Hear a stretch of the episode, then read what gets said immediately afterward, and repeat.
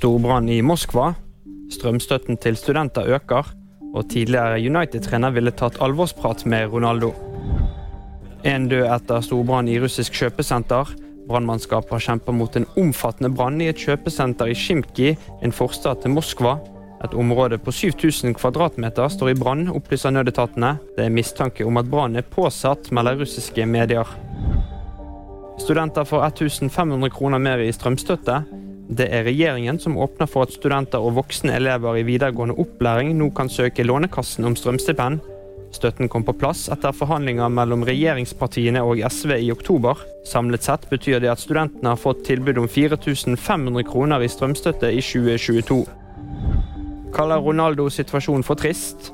Tidligere Alex Ferguson-assistent René Mullenstein sier han er glad han ikke er i Portugal-sjefens sko, etter at Cristiano Ronaldo var misfornøyd med å bli tatt av mot Sør-Korea til vrakingen mot Sveits. Jeg syns det er trist at en sånn episode kan oppstå i fotballens største utstillingsvindu. Det sier Mølenstein. Det var VG-nyhetene. De fikk du av meg, Kristoffer Gåsvær Torgersen.